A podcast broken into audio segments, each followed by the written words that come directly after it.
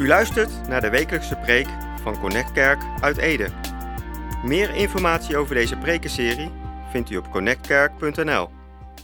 Be blessed. Yes. Nou, vorige week heeft eh, Oscar een mooie aftrap gegeven over kerk, vol met vuur, vol met passie. Kerk niet zozeer een optie, maar essentieel. En dat geloof ik zelf ook. Dat de kerk relatie, heeft Oscar over gesproken, relatie is de kern van de kerk. Verbondenheid met God, verbondenheid met elkaar, zodat je groeit. En vandaag wil ik het gaan hebben over eigenlijk een rode lijn binnen Connect Kerk, waar we in alles wat we doen, waar we druk mee zijn, de taken, de rode lijn. En dat is discipelschap. En discipelschap is een groeiproces, is een geestelijk groeiproces, is een reis. En uh, ik wil beginnen met twee Bijbelteksten, heel bekend, maar superkrachtig. De eerste kan er opkomen. Matthäus 28. Jezus kwam dichterbij en zei tegen hem: Ik heb alle macht. In de hemel en op aarde. En dan de volgende. En vanuit die autoriteit geeft hij de opdracht. Hè? Dus dat is eerst wat de discipelen moesten pakken. Jezus, ik hoor bij jullie, ik heb alle autoriteit. En zegt hij, ga erop uit. Om alle volken. Zodat je niet denkt, oh dat doen we eventjes. Alle volken. Tot mijn discipelen, mijn leerlingen te maken. Doop hen in de naam van de Vader, de Zoon en de Heilige Geest. En leer hen altijd te doen. Te doen, doen, doen, doen, doen. Wat ik heb gezegd. En vergeet dit niet. Dan weer een troostend woord. Wordt lastig misschien, die opdracht, maar ik ben bij jullie. Tot het einde van deze tijd. De grote opdracht. En dan de volgende tekst. Het Timotheus. Dan zegt Paulus, die heeft het zelf, de boodschap van genade ontvangen van Jezus. Hè? Eerste hand, hand, ontmoeting met Jezus. En dan zegt hij, Timotheus, mijn zoon, wees sterk door Jezus liefde en kracht voor jou. Wat je samen met veel andere mensen van mij hebt geleerd, dat moet jij weer leren aan de betrouwbare mensen. En die betrouwbare mensen, die hebben het dus ontvangen van jou. En die betrouwbare mensen, die geven het weer door aan anderen. Dus Paulus zegt, ik heb het ontvangen van Jezus in een ander hoofdstuk. Ik heb het aan jou doorgegeven. Ik heb je geleerd, ik heb je aangemoedigd, aangevuurd, gescherpt. Je karakter, we hebben geworsteld. En nu mag jij het doorgeven. En dan moet je verder kijken dan je neus lang is. Heb een visie alvast voor de volgende next generation. Supermooi. Vermenigvuldiging, groei, discipelschap. En uh, als je kijkt in het normale leven, dan heb je ook een groeiproces. Hè? Eerst een schattig lief babytje, vol met poepluiers. En dat ontwikkelt zich, dreumen, speuter. Uh, schoolgaand kind, steeds meer zelfstandigheid. Dan een geweldige fase van tienertijd. En dan, heb ik gehoord, kan je ergens volwassen worden. Weet je, rond je 18e en 20e, dan mag je volwassen worden. Geestelijk, een, een natuurlijk groeiproces. En wat leuk is, in het Nieuwe Testament, in, het, uh, in, het, uh, in de oorspronkelijke taal, in de Grieks, zie je heel bewust de schrijvers, afhankelijk van naar wie ze schrijven, ook die termen gebruiken. Ik noem er een aantal. Af en toe zegt Paulus of Johannes tegen een groep mensen van jullie zijn niepels. Dat betekent jullie zijn nog een jong kind. En daarom denk je en overleg je en handel je ook als een kind. Soms zegt hij van jullie zijn een peidon. En dan zegt hij van je groeit op met wijsheid en met kennis. Een basisschoolkind. Af en toe komt de term technons naar voren. Nou, dat zijn eigenlijk tieners. En dan zegt hij van, um, tegen die tienergroep zegt hij, ik hoop dat het karakter van Jezus, dat het meer gestalte in jullie krijgt, dat het meer groeit. In een, een andere context wordt er gezegd tegen een groep van, jullie zijn huwels. Dat betekent jullie eigenlijk, zo onthoud ik dat woordje huwels, huis, stevig als een huis. Jullie zouden volwassen moeten zijn. Kom op, huwels, gedraag je en leef als een volwassene. En dan heb je op het laatst de paters. En dat zijn, dat raad je al, de, de vaders, de leiders. En die zegt, jullie kennen God en jullie mogen God overdragen. Nou, dit proces wil ik even met jullie deze ochtend stapje voor stapje uh, wandelen. En ik weet, je hebt 40 stappen, je hebt drie stappen, wat mij betreft allemaal prima. En dit is een beetje waar ik me aan vasthoud. En uh, we beginnen met de nieuwelingen. Dat is de eerste sheet. De reis van de discipelschap heb ik het genoemd. En we beginnen met de volgende, dat is de nieuwelingen. Nou, nieuwelingen, dat zijn mensen die in jouw leefomgeving wonen. Dat zijn mensen voor wie God en de boodschap van Jezus nog helemaal onbekend zijn. En dat wordt er steeds meer. We leven in een generatie waar God, de boodschap van de Bijbel, de boodschap van Jezus helemaal nieuw is. Maar weet je, uh, er is iets bijzonders.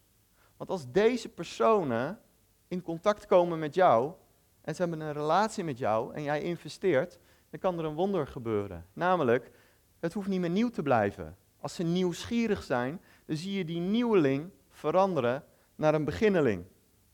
Een beginneling betekent nog niet dat het een bekeerling is. Het is een beginneling. Het is een potentieel persoon die kan groeien in zijn reis met God. En een valkuil is dat je zo druk bent met je christelijk leven dat je geen contact meer hebt met mensen die God nog niet kennen. En heb jij contact met nieuwelingen? Heb jij contact in verbinding met mensen waar je van zegt, ja, die hebben eigenlijk nog helemaal geen idee van God. Laat even vingers zien, vind ik even leuk. Met dat je zegt van, nou, ik heb goed contact met een collega, 1, 2, 3, 4, voetbalvrienden. Andere dat je zegt, dat is een kennis of een familielid, nieuwelingen. Oké, ehm, even kijken hoor. Ik denk van, je mag naar hun kijken van, het is een soort missionair proces waar je mee bezig bent in die relatie. Je mag gewoon een vriend zijn en een positief contact, maar dient een doel, namelijk dat die persoon een beginneling gaat worden. Dus ik maak onderscheid iemand die gewoon nog niks van God wil weten en iemand die zegt ik ben wel nieuwsgierig. Dan verandert die nieuweling naar een beginneling. En dat is fantastisch. En als je in contact staat met dat soort uh, personen, van is het misschien een idee, ik weet niet of je vaak met hun belt of appt of mailtje stuurt, van heel bewust na te denken, hoe kan ik zaaien in het geestelijk leven? En ik heb gemerkt dat, dat, dat media een heel veilig middel is. Is het misschien leuk, een soort challenge, dat je denkt van, kijk in je adressenlijst van je appgroep van vrienden, dat je denkt, ik ga deze week een keertje een prikkelend filmpje, Expeditie Glory en andere filmpjes, eh, mooie getuigenissen, om een filmpje te sturen om te prikkelen. Ik heb dat pas gedaan bij een, uh, was dan een, uh, kerkverlater. Gewoon best wel heftig filmpje. Ik denk, nou, ik krijg sowieso een reactie. Dat is leuk. Dus ik stuurde dat op en ja hoor, ploep, reactie. Zo, dit maakt me allergisch. Oké, wat bedoel je? En maar daarna even leuk contact gehad. Mag af en toe wel een beetje chockeren, prikkelen. Is het misschien iets dat je denkt van die, die relatie die ik met die beginnelingen heb, die is sterk en stevig genoeg, die kan wat hebben, de brug is stevig, om een keertje een heilig bommetje te gooien. Om uiteindelijk een gesprek op te werpen.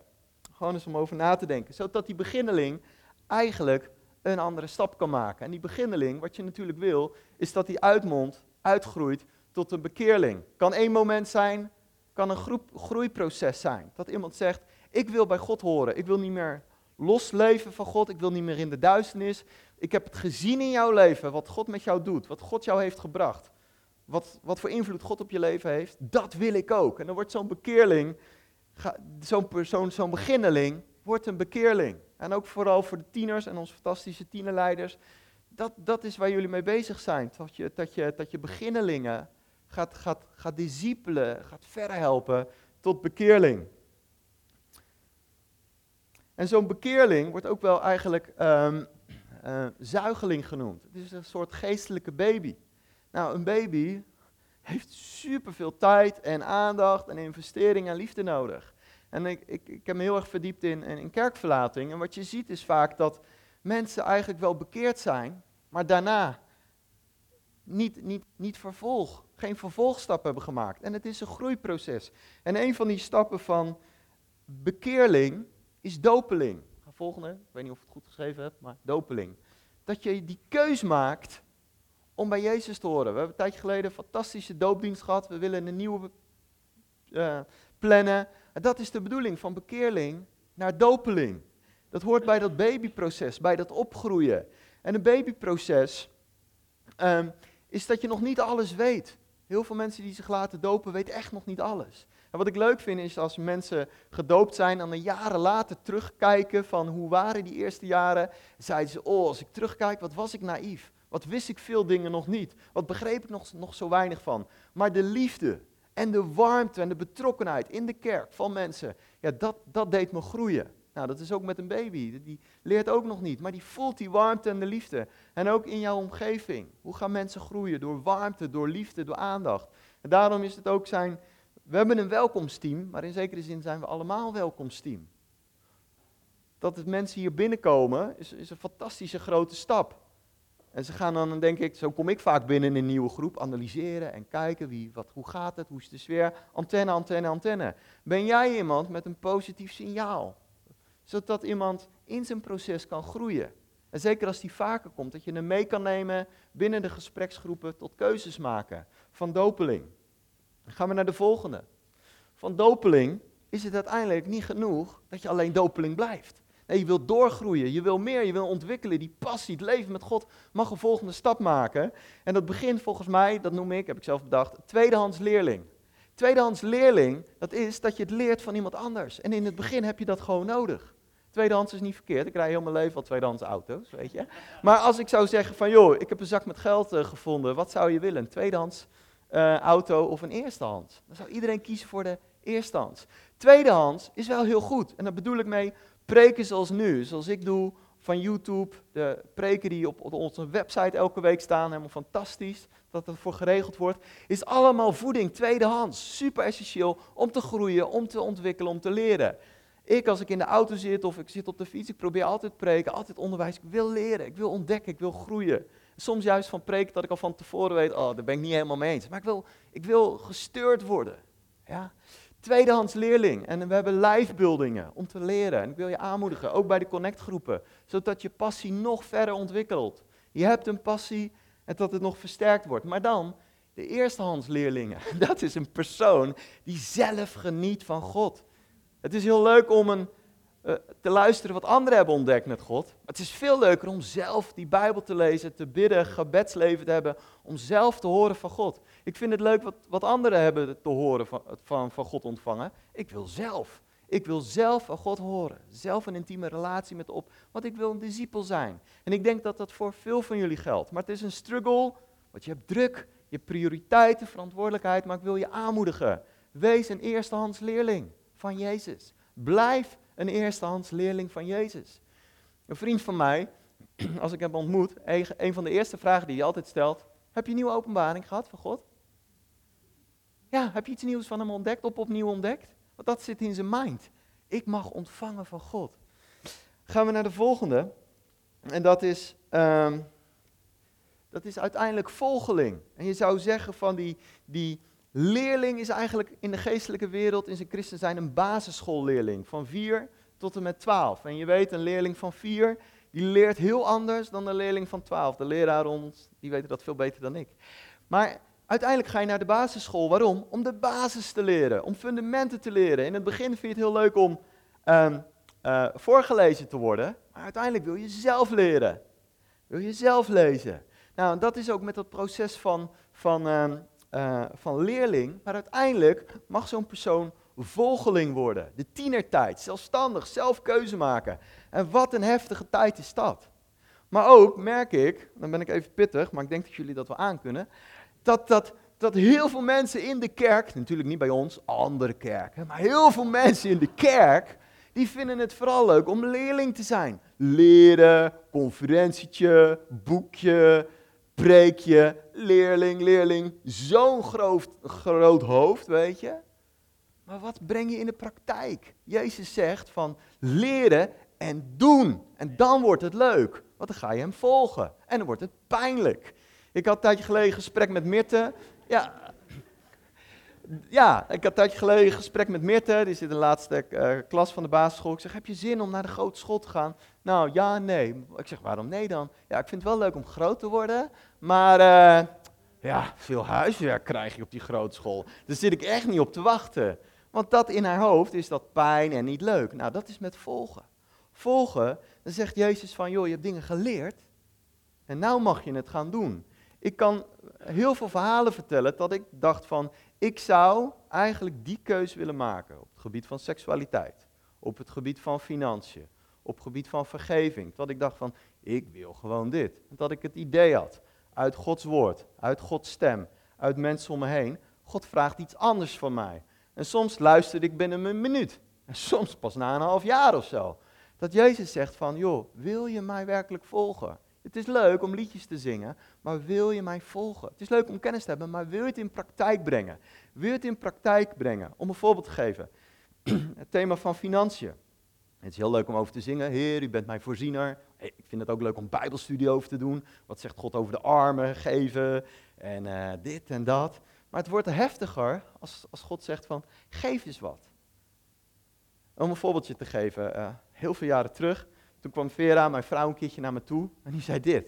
Die zei, Kors, ik heb echt het idee dat God zegt dat ik aan die en die persoon moet vragen wat haar droom is. En dat wij dat dan gaan betalen. Maar God heeft niks tegen mij gezegd. dus ik zei van, uh, weet je zeker dat de Heilige Geest dat heeft gezegd? Dit is een woord wat we heel goed moeten toetsen. Probeer een beetje mijn portemonnee, weet je. Ik werk hard. Maar uiteindelijk, nou, wij hebben gebeden. En ik, wat het irritante was, ik had zelf dat helemaal niet. Ik 0.0 wat resoneerde in mijn hart, we moeten dat doen. Leuk mens, ik wil zegenen, maar niks. Maar ik zeg, ja, ik denk van, ik, het is heel goed om mijn vrouw te bevestigen in haar geloofswandel. Ik zeg, we gaan het gewoon doen. Ik was wel benieuwd wat die droom was. Dus Vera naar die vrouw, nou, best wel ja, een droom. Wij betaald. En uiteindelijk was dat levensveranderend voor haar. Levensveranderend. Dan denk ik van, joh, wat is geld dan? Het, was het waard geweest. Voor mijn leven met mijn vrouw, maar ook voor haar. Want die vrouw, die vertelt aan mensen, ja, ik had een droom en ik had ervoor gebeden. Maar opeens mensen, vooral die vrouw, die, uh, die had het op haar hart. hey, weet je, supermooi. Een geestelijke zegen, fantastisch. Maar dan is het van wat je geleerd hebt, kun je het in de praktijk brengen. Zo zijn er meer dingen. Van, ik vroeg een tijdje geleden ook aan, aan, eh, aan van, leerling zijn is je kruis dragen. Leerling zijn is hem volgen. Leerling zijn is af en toe pijn. Zie jij nog in mijn leven dat ik, dat ik, dat ik een opofferend leven leid? Zie jij dat? Dat vroeg ik een keertje aan haar.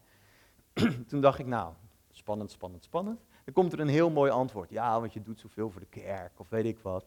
En toen zei ze, nou, ik weet het nog wel, want een paar weken geleden, toen was ik ziek en toen lag ik met griep op bed. En, uh, maar ik had tegen de buurman gezegd, die was bezig met zijn huis aan het verven, maar die zou boven ook helemaal bovenin ook verven, maar die moest een stijger bouwen. Dus ik had tegen de buurman gezegd, joh, als je hulp nodig hebt, ik weet helemaal niet zo'n ding werkt, maar als jij zegt hoe ik moet tillen en moet dragen, dan ga ik jou helpen. Maar ik had uh, griep, ik lag op bed, ding dong, de buurman. En uh, die zei, hey Kors, het is zover, we gaan de volgende wil je meehelpen? En ik, ik, voelde me verrot en dit, maar ik denk, ja, ik heb het beloofd. Ik geef wel cursus grens en assertiviteit op mijn werk, maar het betekent niet dat ik het altijd toepas. Dus ik zeg ja. dus ik zei tegen, tegen, tegen de buurman, ja, ja, ik kom eraan. Nou, ik helemaal, uh, die, die stijger helemaal hoog bouwen en stonden we daar en hij had geen ervaring en ik ben helemaal een prutser in klussen. Maar uiteindelijk die stijger gebouwd, weet je. En die buurman mij uh, twintig keer bedankt, super tof. En Vera zei, ja, dat, dat vond ik zo mooi. Omdat het gewoon niet zo christelijk religieus was. Maar je offerde iets van je tijd en het kostte je echt wat. En ik weet dat je er helemaal geen bal aan vindt en dat het je niet leuk vindt. Maar je wou hem zegenen. Ze zegt, ja, daarin zie ik Jezus. Dat vond ik mooi. Zo mogen we elkaar helpen en stimuleren. En ik was niet eens van bewust. Ik dacht, ja, ik wil gewoon mijn woord houden. Ik heb beloofd. Anders is het weer, uh, sta ik 1-0 achter, weet je. Mooi. Hoe je, hoe je zo kan groeien. Maar dit is natuurlijk ook de fase waar je dingen, uh, dat is de, de volgen, doet af en toe pijn. Dan gaan we naar de volgende sheet. Oh nee, ik heb eentje vergeten. Maar die, die, die, um, die, die volgeling, dan ga je ook dingen meemaken. Dat is leuk. Dat is leuk met God. Het is leuk wat anderen meemaken, maar zelf avonturen met God beleven. En ik heb gemerkt, het, het gaat absoluut niet om verdienen, maar het is een wisselwerking. Ik merk als ik toegewijd ben en ik neem stappen in geloof en risicootjes, dan laat God zich ook meer zien en ontdekken. En dat is die wisselwerking. Heel apart hoe dat werkt, die volgelingenfase. Even kijken. Um, kijk, en je blijft natuurlijk altijd die leerling. En je blijft ook altijd die uh, volgeling. Dat blijf je altijd. Maar je mag uiteindelijk ook naar de volgende fase gaan. En dat is de, volgeling, uh, dat is de fase van vertrouweling. En dat is zo mooi, de vertrouweling. Dan, dan, heb je geleerd in die fase ervoor dat Jezus niet alleen je hersteller en je bevrijder en je verlosser is, maar dat hij ook koning is. Dat is die fase van leerling. Dat, je merkt van Jezus mag koning zijn, hij mag bepalen, mag invloed. En uiteindelijk leidt dat in een groeiproces naar dat je een vertrouweling wordt van God. Wat mooi is dat. Mozes was zo'n vertrouweling. Hij sprak als een vriend met God. Abraham werd genoemd. Abraham, moet je je voorstellen dat het in jou in de Bijbel staat. Van hé, hey, uh, ik noem maar wat, Oscar, Robert, Hiskia, Jaap, een vriend van God, dat dat over jou in de Bijbel staat. En zo werd het met Abraham. Abraham, hé, hey, dat is mijn vriend. En God zegt, ik wil, ik wil vriendschap, ik wil nabijheid, ik wil intiem contact. Niet dat je zondag alleen naar de kerk gaat en af en toe uh, wat geld geeft en je taakje doet. Nee, ik wil dat je een vriend bent van mij. Ik wil jouw geheimen horen. Jouw boosheid, jouw frustratie, wat we in die serie van Psalmen hebben gehoord. Dat wil ik horen. Maar ik wil mijn geheimen, mijn openbaringen, mijn ontmoetingen wil ik delen. En uh, nog wat meer over die uh, vertrouweling. Zo'n vertrouweling komt, komt niet, niet uit de lucht vallen. Daar is investering in nodig, in, in zo'n relatie. En ik denk dat mensen die vertrouwd zijn met God, die hebben een geschiedenis met God. Hoogtepunten, wonderen, bijzondere verhalen, maar ze hebben ook Gods troost, Gods trouw, Gods nabijheid in de dalen, in de ellende, in de grijze hoofdstukken van je leven ontdekt. En daardoorheen is iemand gegroeid als vertrouweling. Ik vind het zo mooi als, als mensen op een oudere leeftijd zijn en ze vertellen over God. Voor mij eh, is Jan Pol daarin een voorbeeld, maar ook Pieter Protero, ook een Bart Doorneweert en Henk Binnendijk, dat soort mensen. De proef je, dan merk je, dat zijn mensen met een geschiedenis van God, met God. Is dat altijd makkelijk geweest voor hun? Nee. Maar ze hebben diepte. Als ze over God praten, over zijn heiligheid, over zijn genade, ze hebben diepte met God. En we zijn allemaal geroepen om, een, eh, om vertrouwd te zijn met God. Om Hem te kennen, heel diep. En dan ga je karakter daarin ook weer spiegelen. Waar je mee omgaat, word je mee besmet. Een vertrouweling, die moet geen stille tijd houden. Het is een passie, het is zijn verlangen om te zingen, om met Hem bezig te zijn. Want Hij wil groeien. En stel je voor, stel je voor, dat, er een, uh, dat ik een hele grote zak geld heb. En dat ik zeg, we gaan een film over jouw leven maken met God. Maakt niet uit je, of je 14 bent of dat je 40 bent. En ik betaal de beste regisseur en de beste acteurs. En we gaan een verhaal, een film maken. Dan gaan we in de bioscoop, in Cinemac gaan we die uitzenden. Over jouw leven met God. Dan moet ik wat hoogtepunten in en wat dieptepunten. Maar jouw leven met God. Hoe zou die film eruit zien? Hoe lang zou die duren? Even heel hard gezegd, we zijn binnen een paar minuutjes klaar. We zien jou in de kerk lopen en weer terug. Of is het dat je merkt van mijn leven met God, in de tranen, in, het, in de feestmomenten? Hoe, hoe zou die film eruit zien? Wat zou. En als in die film ook andere mensen komen, binnen de connectgroep, binnen de gemeente, binnen jouw vriendschap, jouw relaties, wat zouden ze zeggen? Misschien uh, mooie getuigenissen over je bedrijf of in levens die je hebt geïnvesteerd. Jouw film met God, jouw verhaal met God. Dingen waar je bij betrokken bent geweest. Over je huwelijk, over je gezin. Genezing, mensen die voor je waar je voor gebeden hebt. Hoe zou die film eruit zien? Zou je denken, daar gaan mensen wel heen? Want dat, wordt een, dat is een mooie film. Hoe God toch trouw is geweest. Hoe God door je heen gewerkt heeft. Hoe God wonderen heeft gedaan. Hoe God voorzien heeft.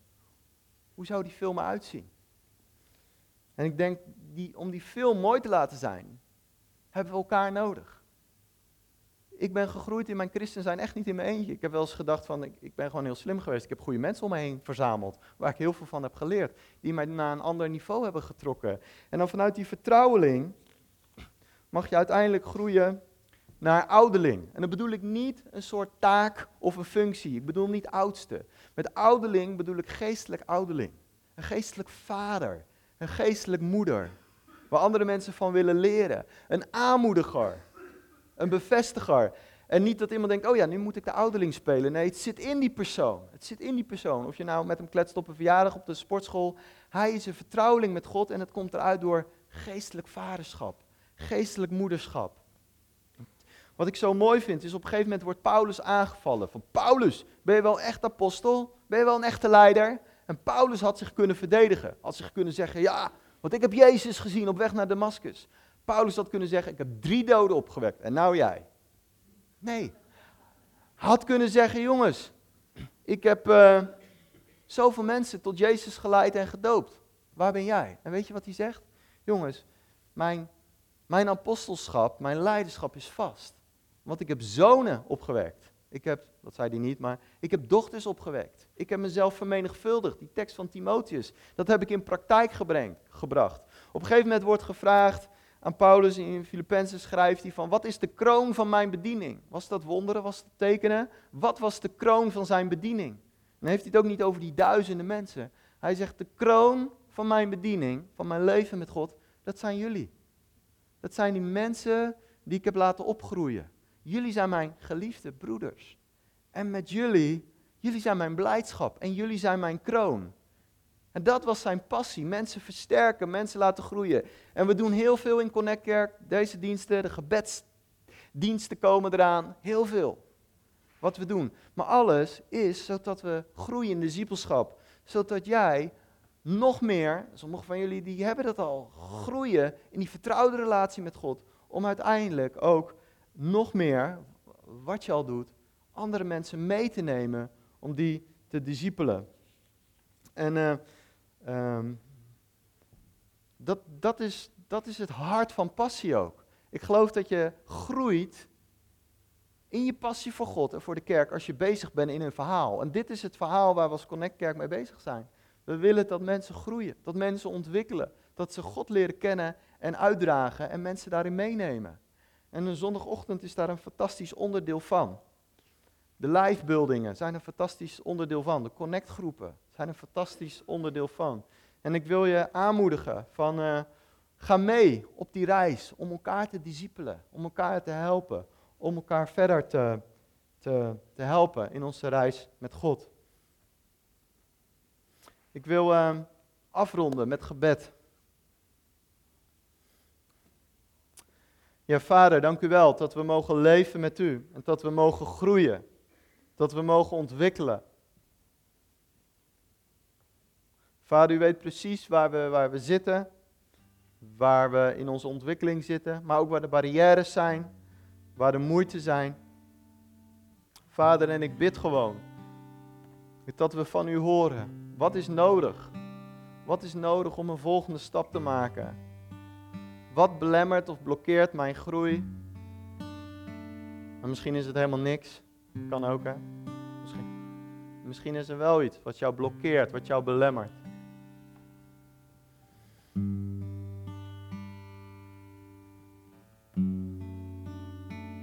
Probeer zelf te luisteren naar God, zelf van Hem te ontvangen.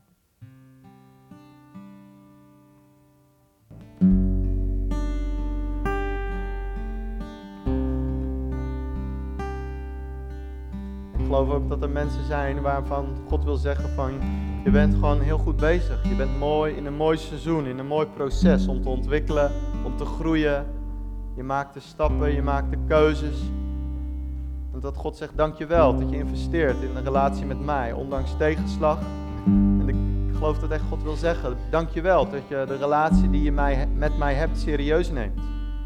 Dat je de relatie die je met mij hebt, dat je die, dat je die koestert, die waardeert. En ik zie hoe je keuzes maakt om te groeien in liefde voor mij. En dankjewel. Dankjewel dat je met mij verbonden wil zijn. En dankjewel dat je toegewijd en trouw wil zijn aan mij. Als God zegt dat hij een koninkrijk van eer aan het bouwen is, wereldwijd, dan is het ook dat God eer wil geven aan ons. Natuurlijk verdient God alle eer. Hij is waardig, maar hij wil ook eer. Hij wil ons waarderen en eren. En God zegt, ik zie dat je keuzes maakt en hebt gemaakt die wat pijn kosten. Maar je hebt mij vertrouwd, je hebt mij lief gehad en je bent door de, door de woestijnperiode gegaan. Dank je wel. Je hebt bepaalde verkeerde motieven, verkeerde gedachtenpatronen aangepakt. En ik leid je verder. Ik leid je verder. En ik heb het idee dat God zegt, ik droom groot over jou. Misschien dat je ouders of andere kleinen over jou hebben gesproken. Ik denk groot over jou.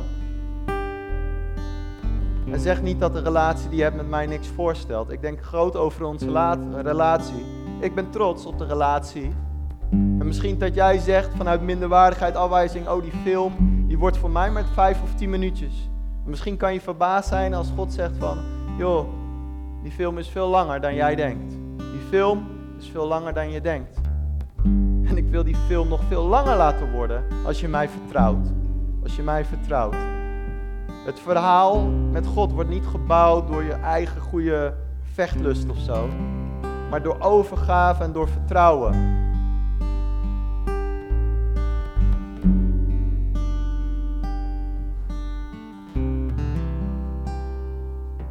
Als je worstelt met controle, als je dingen wil vasthouden. God zegt, hey, lief kind, lieve zoon, lieve dochter. Vertrouw me nou opnieuw. Of voor het eerst, vertrouw mij, vertrouw mij. Ik weet dat het lastig is, omdat je niet in een context bent opgegroeid als, als, om te vertrouwen. Dat je misschien opgegroeid bent om hard je best te doen. Dat je daar ook dingen hebt bereikt en voor elkaar ziet komen. God zegt, vertrouw me nou. Geef me maar een klein stukje vertrouwen. Is genoeg. Is genoeg. Vertrouw mij. En misschien dat je tegen jezelf zegt, ik had al lang in een ander seizoen moeten zitten. Ik ben zo'n trage leerling. Ik doe het zo slecht en zo verkeerd. Dat God zegt, vertrouw me. We doen het samen. We doen het samen. Ik ben de leidsman. Ik ben, ik ben jouw geestelijk vader. Ik heb ook echt het idee dat, dat, dat sommigen verlangen naar een geestelijk vader, naar een geestelijk moeder. Die je verder kan helpen. Ik wil met je meebidden. Dat God mensen op je pad brengt, in relatie treedt. Of dat er initiatief bij jezelf loskomt om in contact te treden met mensen die jou kunnen ondersteunen om verder te groeien. Geestelijk vader en geestelijk moeder. En ik wil je daarmee zegenen. Dat je in contact komt met mensen die jou verder kunnen helpen. Nog meer naar jouw roeping, naar jouw bestemming. Naar hetgene wat God voor jouw leven hebt weggelegd. In Jezus' naam. Amen.